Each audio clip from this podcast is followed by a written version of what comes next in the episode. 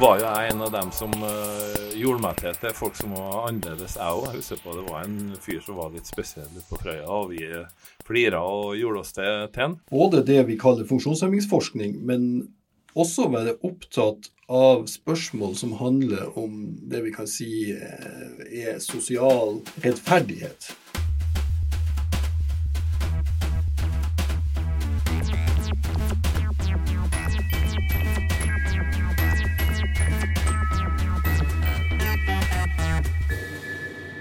Velkommen til NTNU Samfunnsforsknings egen podkast Forskerpodden, som spilles inn i studio på Dragvoll i Trondheim, med Vegard Ysmevold bak spaker og mikrofon.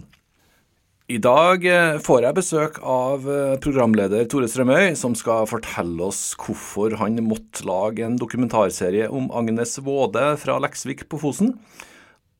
Våde ble funnet død i 1991 etter et 64 eh, år langt liv med svik, misbruk, overgrep og ansvarsfraskrivelse fra både lokalsamfunn og offentlige myndigheter, som det heter i NRKs beskrivelse av serien. Gåten Agnes har rysta mange, ikke minst også våre forskere, med manglende inkludering av funksjonshemmede generelt og hørselshemmede spesielt som forskningsfelt.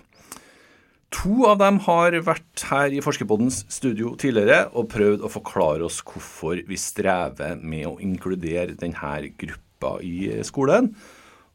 Den ene av de to sitter klar her sammen med meg nå. Velkommen tilbake til Forskerpodden, Patrick eh, Kermit. Tusen takk, Vegard. Veldig hyggelig å bli invitert hit. Så bra du var her i høst og er tilbake nå. Hva slags tanker gjorde du deg da du hadde sett ferdig gåten Agnes her nå i vinter?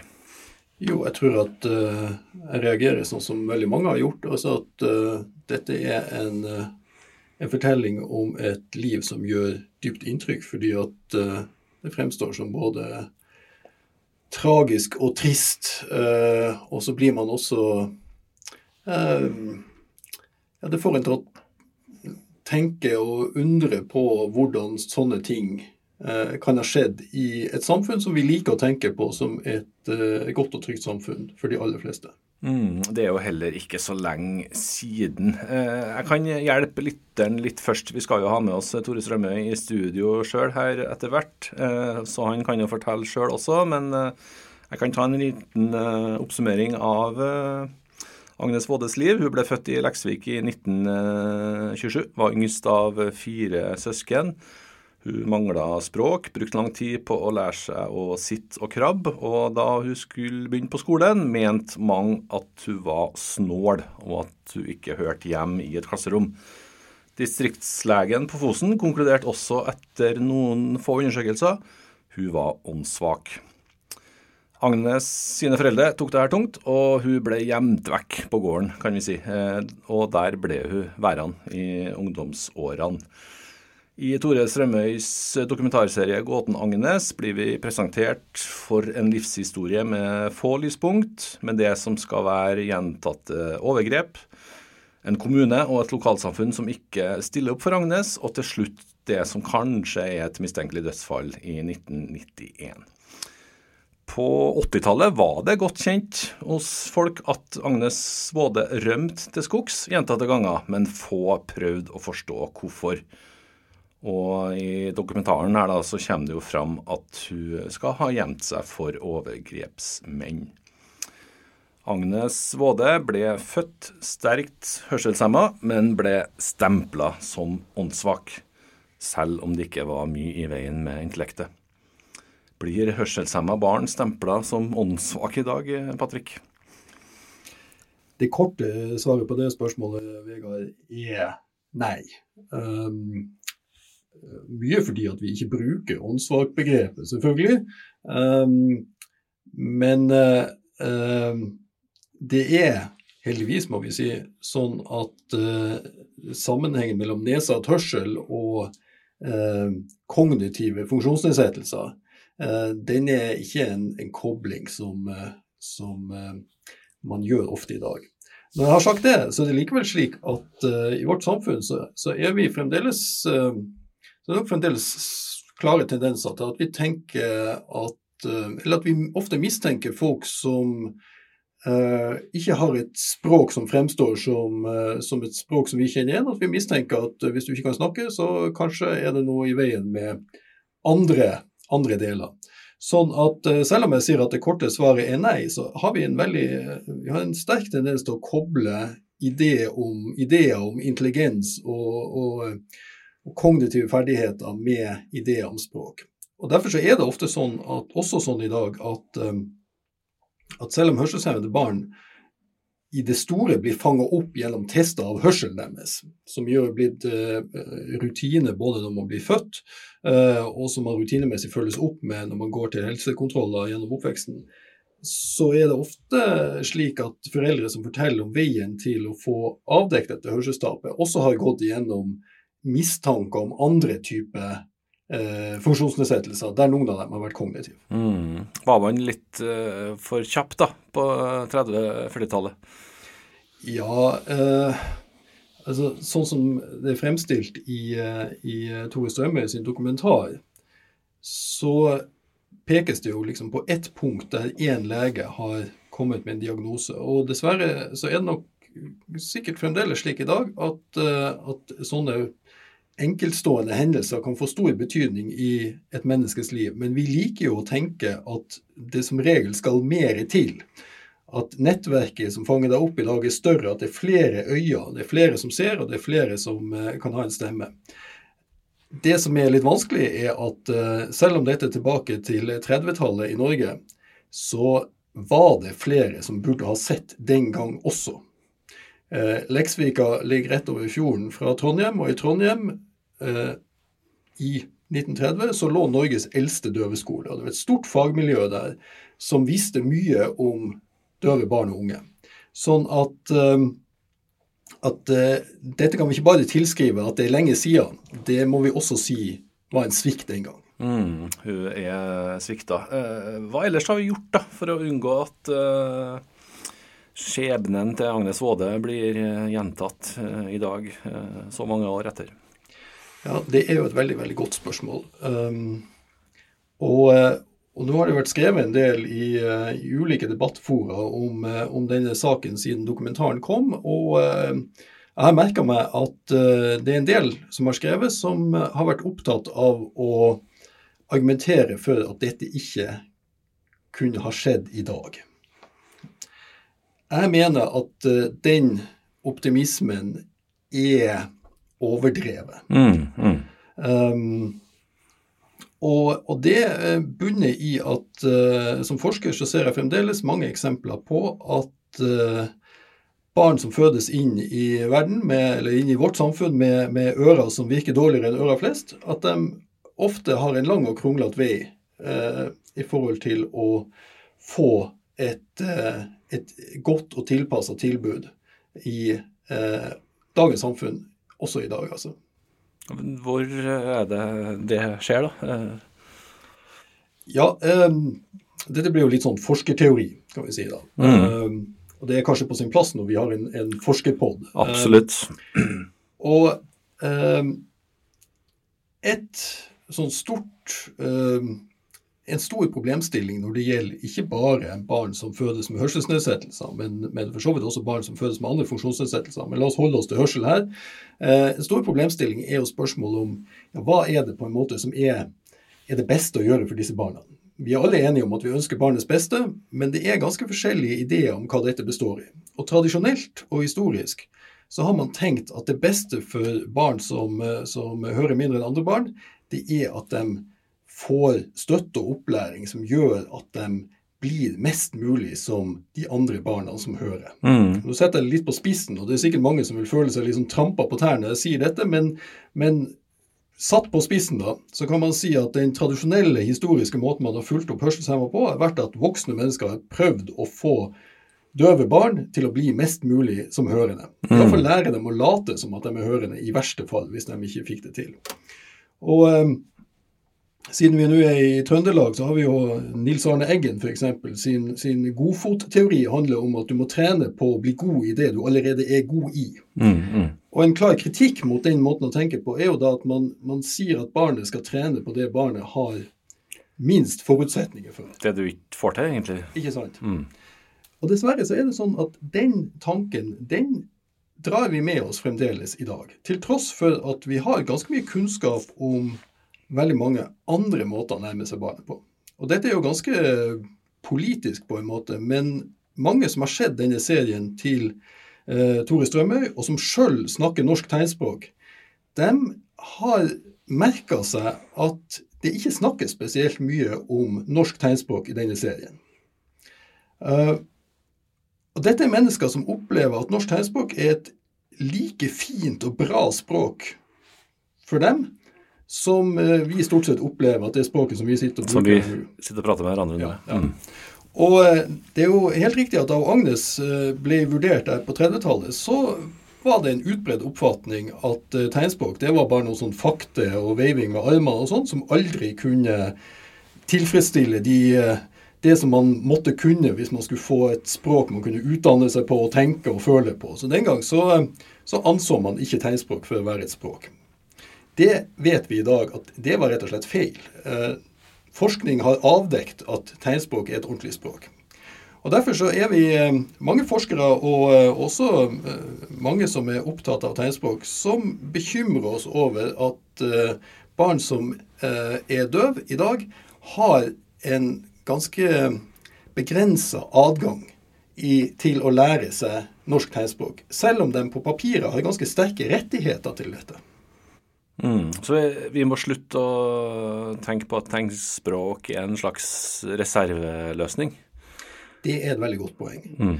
Um, hvis, vi, um, hvis, vi, tar på alvor at tegnspråk er et unikt norsk minoritetsspråk, så må vi også kanskje vende oss av med å snakke om tegnspråk nettopp som en sånn spesialpedagogisk ting. Fremdeles i dag er det veldig vanlig å høre at noen sier f.eks. at ja, eh, døve barn de trenger tegnspråk. Det er veldig uvanlig at man sier f.eks. om norske barn at de trenger norsk, eh, eller om samiske barn at de trenger samisk, for den saks skyld.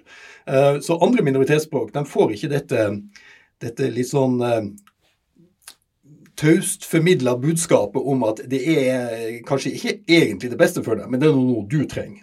Uh, ja, jeg må jo innrømme, da, når jeg skulle lage denne podkasten, at uh, utgangspunktet mitt var jo litt at uh, ting må jo ha blitt så mye bedre nå i 2022. Men det du peker på her nå, Patrick, er jo at vi fortsatt har en lang vei å gå.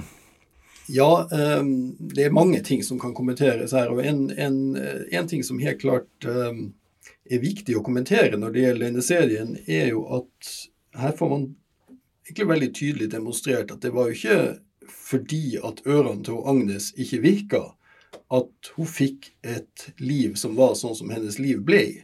Eh, det livet hun fikk, det var jo et resultat av at andre mennesker krenka henne, at hun ble utsatt for diskriminering, at hun ble utsatt for overgrep og ble utsatt for svikt fordi at hun ikke fikk oppfylt rettigheter som hun hadde eh, som barn allerede på 30-tallet. Så skoleplikt for alle, det hadde man den gang. Så det at hun slapp unna det, er jo seg sjøl eh, veldig oppsiktsvekkende.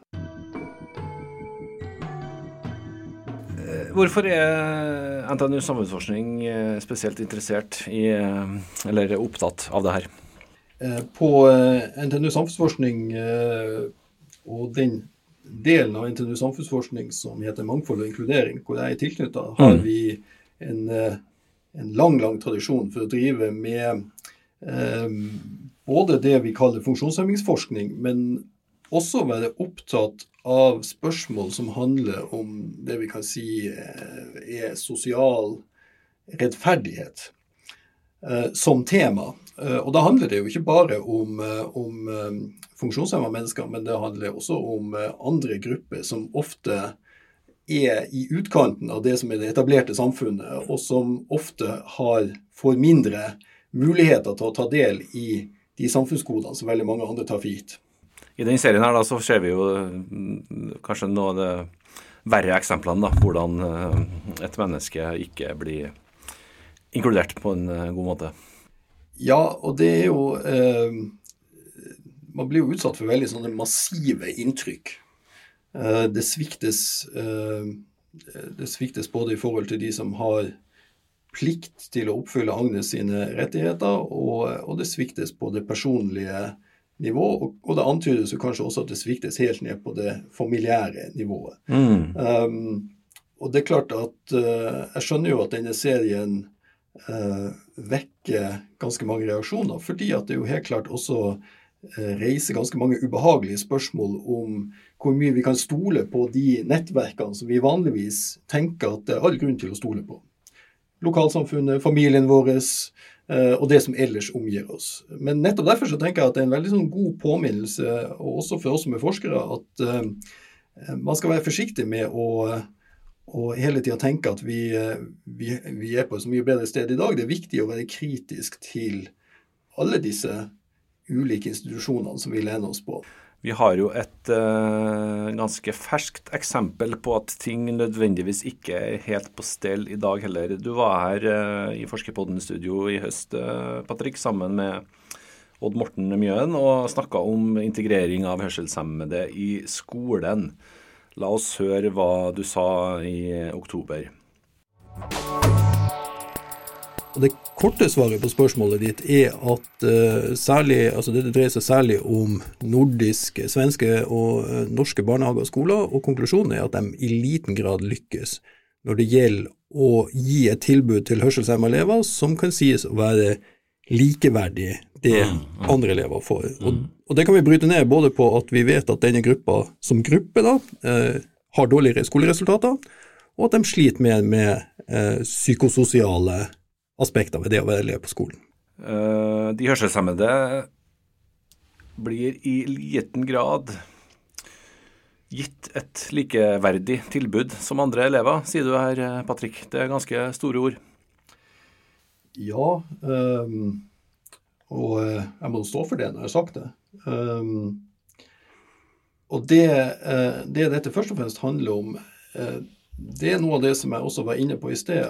At mange barn med hørselsnedsettelser som går i vanlige skole med stort sett med medelever som har vanlig hørsel, de er i en situasjon der de opplever at eh, den skolen de går på, det er på en måte ikke en skole for dem. Vil si, de får lov å være der, de er eh, De har fast plass og et sted å sitte osv., men allikevel så opplever de daglig at det skjer ting som på en måte taust forteller dem at ja, denne skolen den er, den er egentlig for de som, som hører.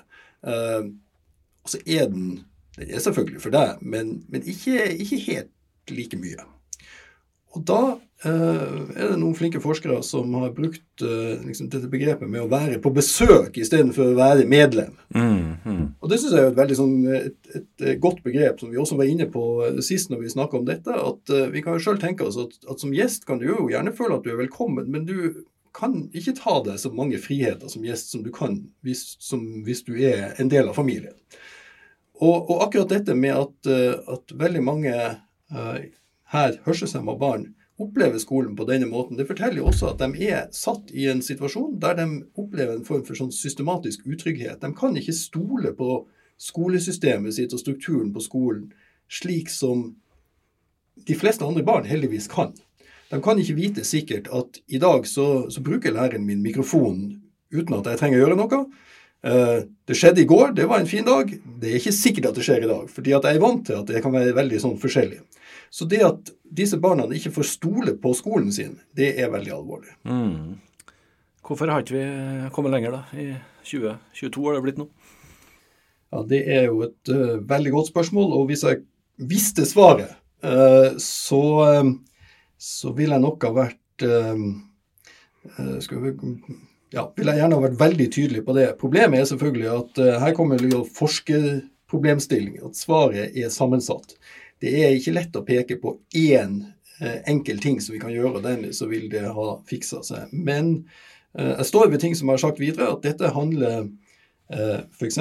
om et det er et spørsmål om lederskap, rett og slett. Et spørsmål om hvorvidt man styrer skolen så tydelig at man sier at det å drive inkluderende opplæring, det er en plikt for alle som er i skolen, på samme måte som det er en plikt å føre fravær og sette karakterer og gjøre andre ting som man stort sett eh, ikke stiller spørsmål ved.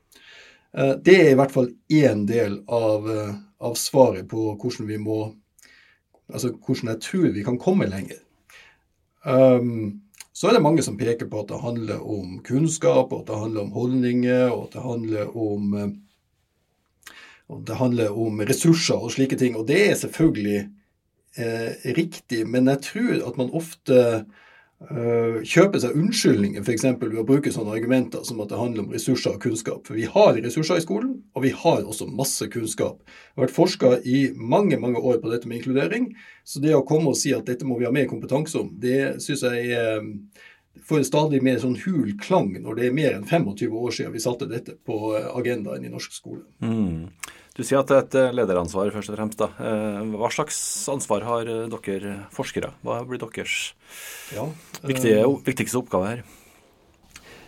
Jeg tenker jo at, at uh, som forskere at vi har et, uh, et ansvar for å uh, ha et kritisk blikk på dette, og at vi samtidig er ydmyke i forhold til at når man er såpass kritisk overfor skolen, som jeg jo har vært nå, så, så, må jeg jo samtidig alltid understreke at jeg har dyp respekt for det som foregår i norsk skole, og at jeg skal være den første til å anerkjenne at eh, det er veldig mange kryssende hensyn og, og veldig mange ting eh, skolen skal oppfylle i dag.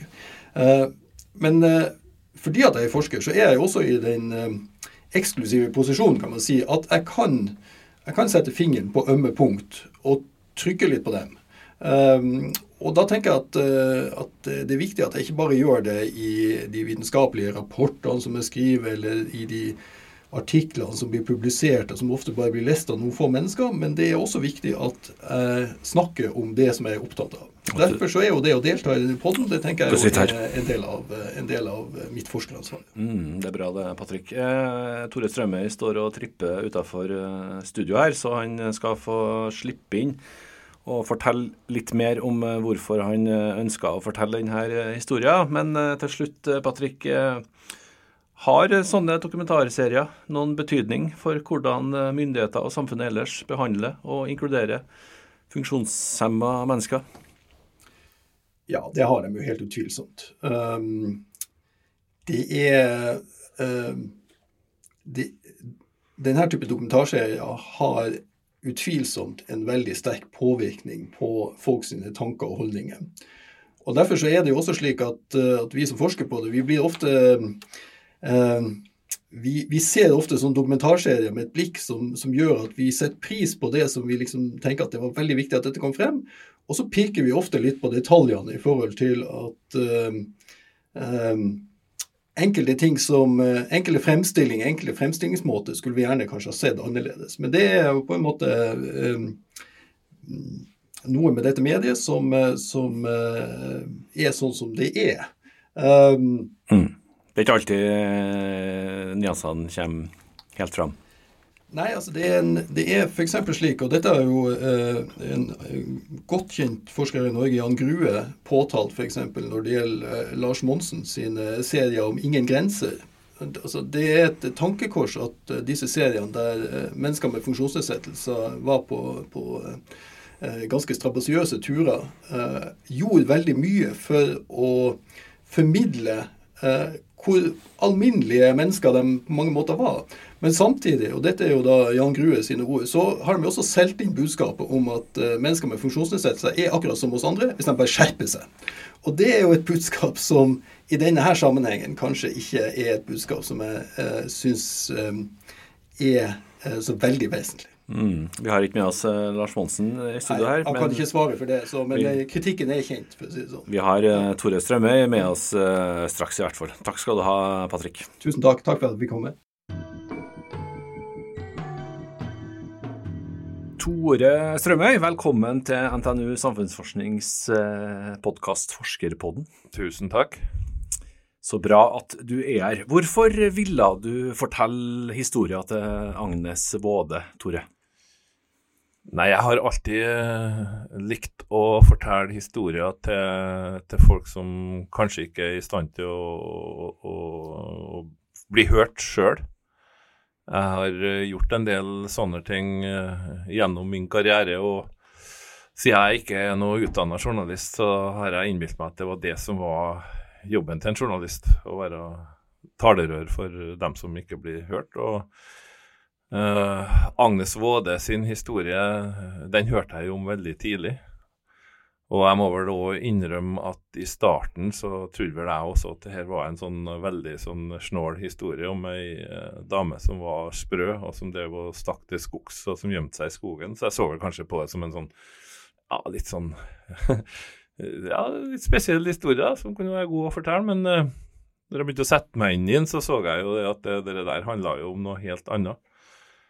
Og, og det handla jo om en dame med et uh, eh, handikap som uh, ikke ble forstått.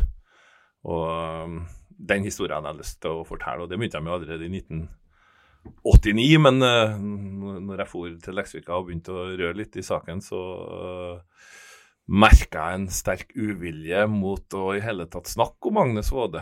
Uh, uh, hun var, var en ikke-person. og og jeg møtte litt motstand, og ung som jeg var den gangen, eller yngre, da, så uh, eh, feiga jeg vel litt ut. Det gjorde det. Og der jeg hadde dårlig samvittighet for sida. Stengslene ble litt uh, for store da? Ja, de, de, de, de ble det. Og uh, ja, jeg husker jo Jeg bruker å si at jeg husker jo på, på, på, på skolen fordi at Jeg har ikke lyst til å, til, å, til å, tegne noen bilder av meg sjøl som en sånn, sånn, uh, sånn, glansbilde. For da jeg gikk på ungdomsskolen, så, så var jo jeg en av dem som uh, gjorde meg til til folk som var annerledes, jeg òg. Jeg husker på det var en fyr som var litt spesiell på Frøya, og vi flira og gjorde oss til en. Vi ante ikke hva som felte eller hva det var som var problemet hans. men vi drev og gjorde oss til, og så husker jeg jo på at det var en lærer som kom og tok tak i meg, og, eller tok tak i oss da og spurte hva i svarte er det dere holder på med? Hva er det dere holder på med, og, og, hvorfor gjør dere det der? Og, og, lærte oss noe siden den gangen, så, så har jeg det, det har satt i meg, og det tror jeg jeg satt i når jeg begynte med det der, og at liksom det, kanskje jeg skal rette opp litt av mine egne feil, jeg vet ikke. Mm, det er kanskje noe flere av oss kan kjenne oss igjen i det der, da, dessverre. Ja. Uh, det er jo noen uker nå siden serien din ble sluppet på ja, både på TV og på streaming. Og du har fått mye oppmerksomhet, både negative og positive reaksjoner. Hvordan har de siste ukene vært eh, for deg? De har vært eh, veldig spesielle. Det, det, det, er jo litt artig at, at, man tror at jeg har fått mye negative reaksjoner, men det har jeg så å si ikke fått de to-tre negative reaksjonene som er kommet fra offentlige etater, som føler seg at, at, at, det går utover dem, de har fått stilt opp i media. Men de tusenvis som har skrevet mailer til meg, og som skriver på Outlook, og som takker og bukker, og som er overalt, de kommer ikke fram der. Så, så det har vært, det har vært voldsomt, og, og spesielt eh, det her med at det er noen som tar tak i de svakeste og, og, og, og gir dem en stemme, bokstavelig talt. da. Og jeg har jo fått hørt masse historier fra det ganske land som viser meg at uh, Agnes Waade verken var uh, et spesialtilfelle eller er et spesial, spesialtilfelle i dag. Mm, det er jo mange som sier til meg at det her skal vi, skulle vi, eller noen har sagt til meg at det her burde vi ha latt ligge, for det er noe som hører historia til. Og det er, jo sant, men dessverre så, så eh, har det ikke Det slutta ikke med Agnes Waade. Så vi trenger å, å bli påminnet det eh, også i dag. Men eh, som sagt, det, det har vært fantastiske eh, reaksjoner, og folk er så voldsomt engasjert. Mm. De er så voldsomt engasjert. Og Agnes Waade er på en måte blitt et sånn symbol for alle dem som da aldri ble hørt, eller som ble respektert, eller som man hjelpa, eller som man brydde seg om. Som bare offentligheten har kjørt over og, og og behandla dårlig. da. Mm. Jeg har jo hatt eh, forsker Patrick Kermit i studio her eh, tidligere i episoden, og han eh, sier jo da dessverre litt av det du er inne på der, at man skulle jo tro at i dag skjer ikke sånn. Eh, Men han sier jo da at det å tenke at det her er bare noe som hører til historia til, er en altfor optimistisk inngang. Og at uh, hørselshemmede da strever med å bli inkludert bl.a. i skolen. En så livsviktig institusjon som skolen. Hva tenker du om det? Ja, det tror jeg er helt riktig. Jeg tror at, at om du er litt annerledes og Uh, og at det fører til litt ekstraarbeid for uh, dem som styrer og steller, så, så, så, så, blir du på en måte en liten sånn, sånn, sånn pest og en, en plage. Uh, du kan jo bare ta sånn som, sånn som når det gjelder Agnes Våde, det var snakk om erstatning f.eks. Og, og dette har jeg vært borti mange plasser. Da sier man det, men vi vil ikke ha noe dom på det her. For tenk om det kommer noen flere som vil ha rettferdighet. Tenk om det er noen flere som vil ha uh, utstyr som koster penger. ikke sant? Vi må ikke ha, noe, noen regler på det. Så, så, så, så, du ser at det offentlige prøver på en måte å, å, å, å sno seg unna det folk har rett og krav på. Mm. Man prøver å finne måter som man kan styre det her sjøl på, og, og, og, det er jo en forferdelig holdning, egentlig. For man skulle jo tro at, eh, at, hvis man så noen som hadde ekstra behov, og som var ekstra svak, så skulle man jo kaste seg rundt det hva man kunne for dem. Men, men, jeg tror mange av dem føler seg som uh, en byrde. Dessverre. Mm, det han sier, da, at eh, flere hørselshemmede de, de, føler de er gjester på skolen, og ikke fullverdige medlemmer. Ja. Enkelte av dem. Det, det, har, det tror jeg på. Mm. Du har jo snakka med Magno om eh, dokumentaren din. Også. Nå er du gjest i eh, en forskningspodkast, eh, Tore Strømme. Jeg regner med det en slags prikken over i-en? Det er et høydepunkt i karrieren. Å prate i en forskningspodkast. Klart. Bra. Jeg var så vidt inne på det i min innledning i dagens episode. Den litt åpne slutten, kanskje, som tar for seg Agnes Vådes er det et mistenkelig dødsfall, eller eh, hva har du å si om det? Eh, ja, absolutt. Absolutt er det et eh, mistenkelig dødsfall. Er, jeg har sett papirene fra funnstedet og ting som er gjort. Og, og, og, når du kjenner Agnes Våde sin historie og ser alle de røde trådene som går gjennom der med, med misbruk og, og mishandling, så er det klart at her, eh, her har politiet svikta totalt. Mm. Men det, men, og, og, ikke bare politiet, pressen òg. For når Agnes Våde forsvant og ble funnet død, så var det ingen som skrev om det noe mer. Det er liksom, ja vel, Men da var et problem borte, da. Mm. Men at, at, at, at, det er mye der som, som, som, jeg ikke får til å henge på grep, ja, absolutt. Og hadde det vært meg eller deg som de har funnet der, så har de satt himmel og jord i bevegelse men fordi at det var Agnes Våde som hadde null verdi, og som, som var stempla, så eh, engasjerte man seg ikke så hardt i det. Og mm. kunne ikke snakke likevel. Har det, har det, kommet fram noe nytt da, etter at uh, kameraene ble slått av? Ja, det, det kommer jo en del uh, meldinger til meg. og og hvis jeg trodde at, liksom, at jeg hadde kommet fram til noen navn som liksom, at det var en stor bragd, så, så, så, så, kommer jo alle sammen og forteller meg det. At det visste de jo om. Eller de visste om det og visste om ditt. Og, og det kommer fram andre overgrep på andre folk, eh, også i Leksvika. Mm. Eh, så, det kommer fram ganske mye. og det det er ganske deprimerende å, å sitte og se på. og, og det, Jeg syns det har vært tungt å, å, stått i denne jobben her for det å skulle, skulle snakke for noen som ikke har en stemme. Det, det, da, da, da, skal du ha rak rygg, skal jeg si. Og jeg er glad for at jeg er såpass mye eldre nå enn første gangen. Fordi at det kommer så mange som skal liksom både forsvare seg sjøl og som skal Så det, det, det, er mye viktigere at en, en saksbehandler ikke får en skrape enn at man får si det som det var til at, at, at Agnes Våde ble behandla sånn og sånn, og at vi, at vi, faktisk prøver å skjule alt det vi har gjort. da, At man ikke enda i dag klarer å bare sette, strekke handa i været og si at ja, jeg var en av dem. Jeg var en som gjorde sånn. Jeg Jeg tenker også sånn når jeg ser Og jeg husker på når jeg møtte han, han, han døve Kåre ute i Mm. Leksvika. Jeg, det, jeg hadde ikke vært lenge før jeg fant en som hadde omtrent samme skjebne, men som foreldrene da hadde tatt tak i og, og sørga for at han fikk et, et bra liv. Men når han begynner å snakke sånn så, så, da, da plutselig da skjønte jeg Så tenkte jeg dette her må med i serien. For folk må skjønne hva det her er. For vi, vi, vi må vise. Ikke sant? Og, og, jeg har begynt liksom å, å tenke Oi, for rare lyder, ikke sant?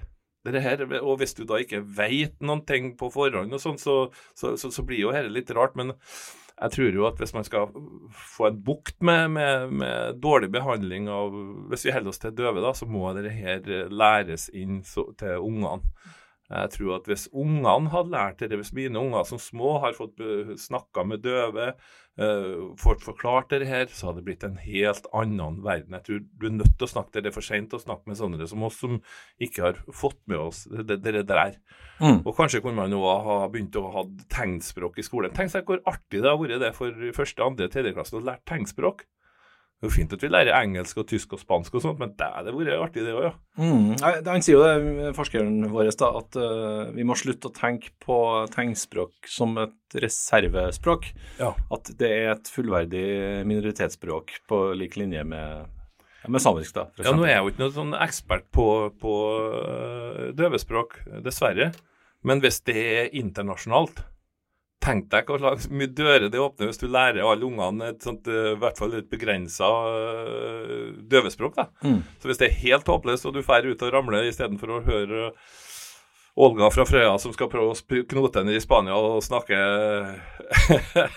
snakke spansk. Hun kunne jo bare gjort med noen tegn, så har vi jo vært der. Mm. Så Jeg skjønner, jeg- skjønner at du får, du får nærmest litt tips her da, Tore, på både navn og folk som har, kan ha gjort ting på, på Fosen. Hva, hva gjør du med de Nei, jeg gjør ingenting med det, fordi jeg mener at hvis det er sånne ting, så bør de gå til politiet med det. Det er ikke jeg som skal, øh, skal gjøre noe med det. Og, og det er klart at vi kommer fram til noen, til noen svar her, men vi får noen 100% svar vil vi, vil vi jo aldri få. og Det, det har blitt så mye for seg kanskje heller så lenge etterpå, men det ønsket mitt med dette her, det er jo at man skal skape noe mer for, forståelse for, for øh, folk som, eh, som kanskje ikke er helt sånn som flertallet, da.